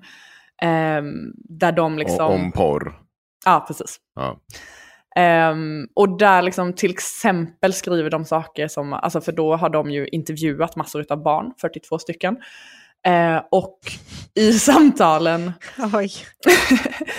i samtalen lyfter barnen flera nyanserade perspektiv. Att barn och unga har rätt till att utforska sin sexualitet, speciellt ju äldre man blir. Ehm, barnen vill liksom kunna eh, fatta informerade val om sin konsumtion och unga menar att man tidigt behöver föra kritiska samtal om pornografi och dess produktion. Så barnen liksom säger det själva. Mm. Eh, men också att liksom pornografi inte kan ses som en eh, sak, utan det är liksom en, s- jättemycket olika grejer i samma. Man behöver jobba med att stärka barns kompetenser. Ehm, barn och unga lyfter vikten av åtgärder för att eventuellt begränsa barn och ungas eh, tillgång till pornografi. Eh, och måste tas i beaktning till deras rätt till information. Eh, det vill säga hur man liksom väger eh, filter mot eventuellt eh, bortfall av information i det. Ehm, och liksom alla är ju överens om att vi behöver prata mer om porr. Eh, att ha samtal om porr med barn och unga är liksom ingenting som någon säger emot. Eh, det som jag är kritisk till i deras metod, eh, porrkritiska samtal, är ju just att de är porrkritiska istället för liksom utforskande tillsammans med barnen. Um, och jag tänker mig också att det blir liksom en så här... Man, man sätter en agenda redan från början ifall man kommer till barnen och säger att... Det, det finns ett exempel till exempel. För Nina har ju spelat in såna här, eh, Nina Rung har spelat in filmer där hon berättar hur man kan prata med barn i olika åldrar. Ja. Eh, och där finns exempelvis en film som är för dem på högstadiet. Och då är liksom det första hon säger där att så här, när vi pratar om porr med unga så måste vi vara tydliga med att sex inte är som i porren, utan det man ser i porren är mäns våld mot kvinnor. Och det är liksom så här, nu, nu har jag kanske ett liksom så här, ett, ett väldigt starkt lustcent, en väldigt liksom stark eh, koppling mot lustperspektiv. Men jag har så svårt att se för mig att detta inte är dömande. Att säga, för liksom ifall barn tittar på porr, vilket vi gör enligt forskningen, eller vilket vi vet enligt forskningen att typ 70% av killarna gör, minst, så är det liksom... Det är väldigt konstigt då att säga ja ah, men det du tittar på är enbart mäns våld mot kvinnor. Precis. Det får absolut de här pojkarna att säkert vilja öppna upp sig och prata. Mm. Eh, Mm. Nej men det kan jag absolut tänka mig. Säga det till tonåringar, fy fan vad äckligt och det är Mm. skithemskt det du håller på med. Ska vi prata om det lite grann? Nej. Mm. Aldrig. och liksom har man, har man den typen av liksom att så här, ja, men det ska vara något kritiskt redan från början, så tror jag att det blir väldigt, väldigt svårt att bygga relation med barnen och få ett härligt samtal. Alltså, så jag sitter och försöker analysera, eh, men det här är gjort egentligen många gånger förut. Eh, Det är klart att du i porr du har eh, konsumerat under åren, det jag definitivt skulle kunna säga att det handlar om mäns våld mot kvinnor. Mm. Men då pratar vi om en väldigt liten del av det. Det, det är inte så. Det är inte så det... Alltså så det där är så jävla skevt. Alltså som... Det kan nog finnas normer och skit som... eh, Eller det... det, det most defin, definitely finns det normer och sånt som är eh, säkert både patriarkala och, och så vidare i porren eh, som jag har konsumerat. Men det är inte riktigt... Det där är en så extremt förenklad bild av det. Mm. Det handlar ju om den njutning man får ut av det tillsammans med den sen man har sex med. Eh, och eh, jag har ju varit med om eh, sexuella sammanhang så många gånger liknar där, där jag mycket har sett i porren. Men det betyder inte att jag står liksom och slår eh, någon över käften och spottar henne i ansiktet. Det är inte så enkelt är det inte. Det där är extremt konstigt och det är inte så, så, det är inte så jag har sex heller. Men Nej och, och låtsas som att det inte finns saker som är väldigt likt det som sker i porren. Mm. Skillnaden är för tror jag intimiteten som kommer med som är mycket stelare i porren. Och ofta kommunikationen. För Ja, det, som kommunikationen är, också. Ja. det som är kruxet med eh, sex i vanliga livet är ju att man inte har en regissör Nej, som precis. säger till en, nu tycker jag Nej. att ni tar det bakifrån istället, utan det måste men- man sköta själv. Du har inte ett skript som Mer pung. känner till Det här är exakt detta. anledningen till varför du inte är sexolog. Tänkte jag säga, vad fan var det? Nej, Oj, okej. nej jag, skojar. jag menar att, var, att du kunde någonting. Eh, Ja. Nej, men du har ju såklart en jättegod poäng. Det, det hade jag inte Samma, det är bara... Ja. ja. Okej. Herregud, detta vevande med armarna. Det är bara totalt... Alltså bara så att ni vet, om ni hade sett oss nu, hur många gånger vi har blivit hotade med stryk allihopa här av Axel och Sanna Vanno. Ja, Bara en gång om mig. Mm. När Axel hetsade mig till ja. Ehm, Ja. Nej men precis, jag håller verkligen med och det blir liksom en så här... ehm, ja, nu kom vi ju av oss lite, men ja. den här typen av att bara prata om porren som en enda sak, för det är också det som, alltså när det var det här eh, hårt sex-gate, eh, som vi kallade eh, hösten 2020, när eh, den här barnmorskan gick ut och sa att barn får sår i fittan för att de Just har haft det. så hårt sex. Ehm, då så pratade man mycket om att så här, unga kommer in och haft sex inspirerat från porren. Eh, och i en podd som jag lyssnade på häromdagen där Elsa Lantz eh, deltog så sa hon att eh, hon har hört att eh, tjejer eh, berättar om att de blir liksom ropade efter i korridoren med uttryck från porren. Eh, och jag Va? tycker det är en lite så här, jag tycker Va? det är en lite väl... Hade Va? du några exempel på vad, Nej. Hey girl. vad då uttryck från porren? Hello stepsister. Nej, jag vet inte. Nej, alltså, du, Vad fan.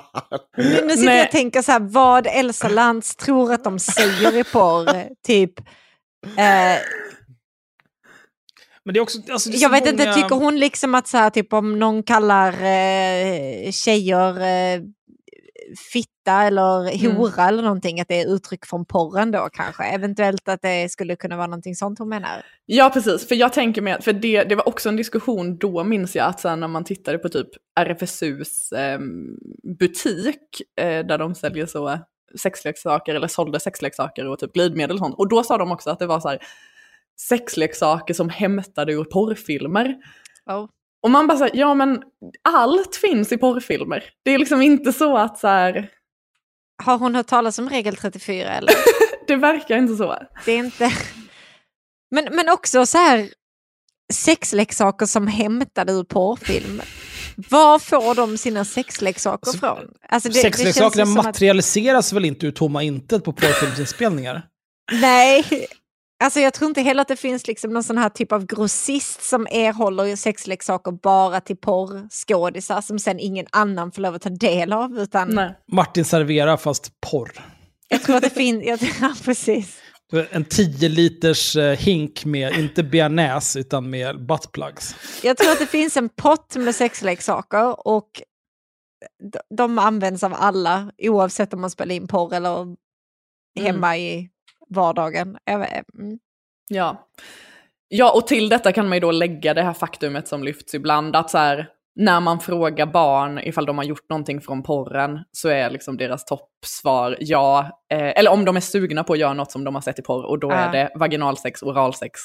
Mm. Eh, så man liksom bara så här, ja, det är klart att... Men det är klart du vill det. Ja. Jag vet inte. Men sen så kan jag också säga att eh, när Elsa berättade det här hemska om att tjejer blir kallade saker från porren Mm. i skolkorridorerna, då sa hon att på hennes tid blev, eh, var det som ropades efter tjejer saker från Beverly Hills. Oj. Och jag vet Absolut inte vad inte. som hände i Beverly Hills, men jag tyckte Alltså det jag lät har sett alla avsnitt av Beverly Hills. Vad vad skulle de ha ropat efter Elsa i korridoren då Axel? Jag Kom har igen. ingen aning. Eh, ingenting. Alltså det var den mest mellanmjölk tv-serie som någonsin har gått. Det var Ja, men snudd vad, på fyra vad, vad, religiös. vad, hette, vad hette eh, huvudtjejen där då? Vad menar du? Alltså det fanns ju flera. Det Ja, var ja, hon den säg- blonda, den andra blonda Ja men vad hette den den blonda då? Det var ju, alltså det var ju Brandon och Brenda som var tvillingar. Ja, så någon har ropat Brenda efter någon i korridoren och det... Mm. Wow, har du en Brenda. tröja som Brenda? Mm, Ja. Precis, det var liksom vad grejen var. Nej, så det är väldigt intressant och liksom vad man typ tillskriver finns i porren är ju superintressant skulle jag vilja hävda här. Ehm, Mm. Att man liksom sätter porren som det farligaste som finns. Det och liksom som allting finns- som man kan hämta i porren är alltid dåligt, typ. Ehm, men det ligger väl i porrkritiken helt enkelt. Ehm, vi går vidare till nästa metod. Innan vi Ja. gör det så skulle Mm. jag vilja säga en sak. Okej. Nej. Eh, om du hör det här nu så betyder det att det här avsnittet snart håller på att ta slut. För att du är inte Patreon. Om du hade varit Patreon då hade du sluppit höra det här. Eh, och du hade redan hört det här avsnittet för kanske en, två dagar sedan. Men nu är du inte Patreon. Eh, resten av det här avsnittet finns på Patreon. Så om du inte är Patreon så passa på att bli Patreon. Annars kommer du inte få höra resten av när vi pratar om porrfri barndom och 180 miljoner andra grejer som finns på Patreon. Nu kommer smasket. Nu kommer smasket. Oj. Ehm, Så, ja, jag vet inte. Unna dig att bli Patreon.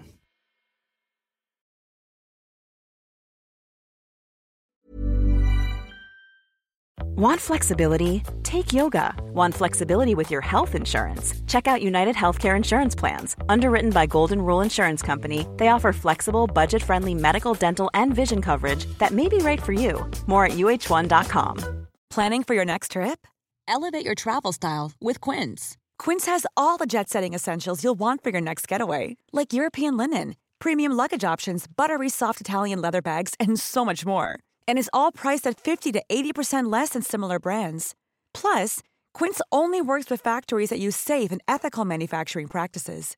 Pack your bags with high-quality essentials you'll be wearing for vacations to come with Quince. Go to quince.com slash pack for free shipping and 365-day returns. Normally, being a little extra can be a bit much, but when it comes to healthcare, it pays to be extra. And United Healthcare makes it easy with Health Protector Guard fixed indemnity insurance plans. Underwritten by Golden Rule Insurance Company, they supplement your primary plan, helping you manage out of pocket costs without the usual requirements and restrictions like deductibles and enrollment periods. So when it comes to covering your medical bills, you can feel good about being a little extra. Visit uh1.com to find the Health Protector Guard plan for you.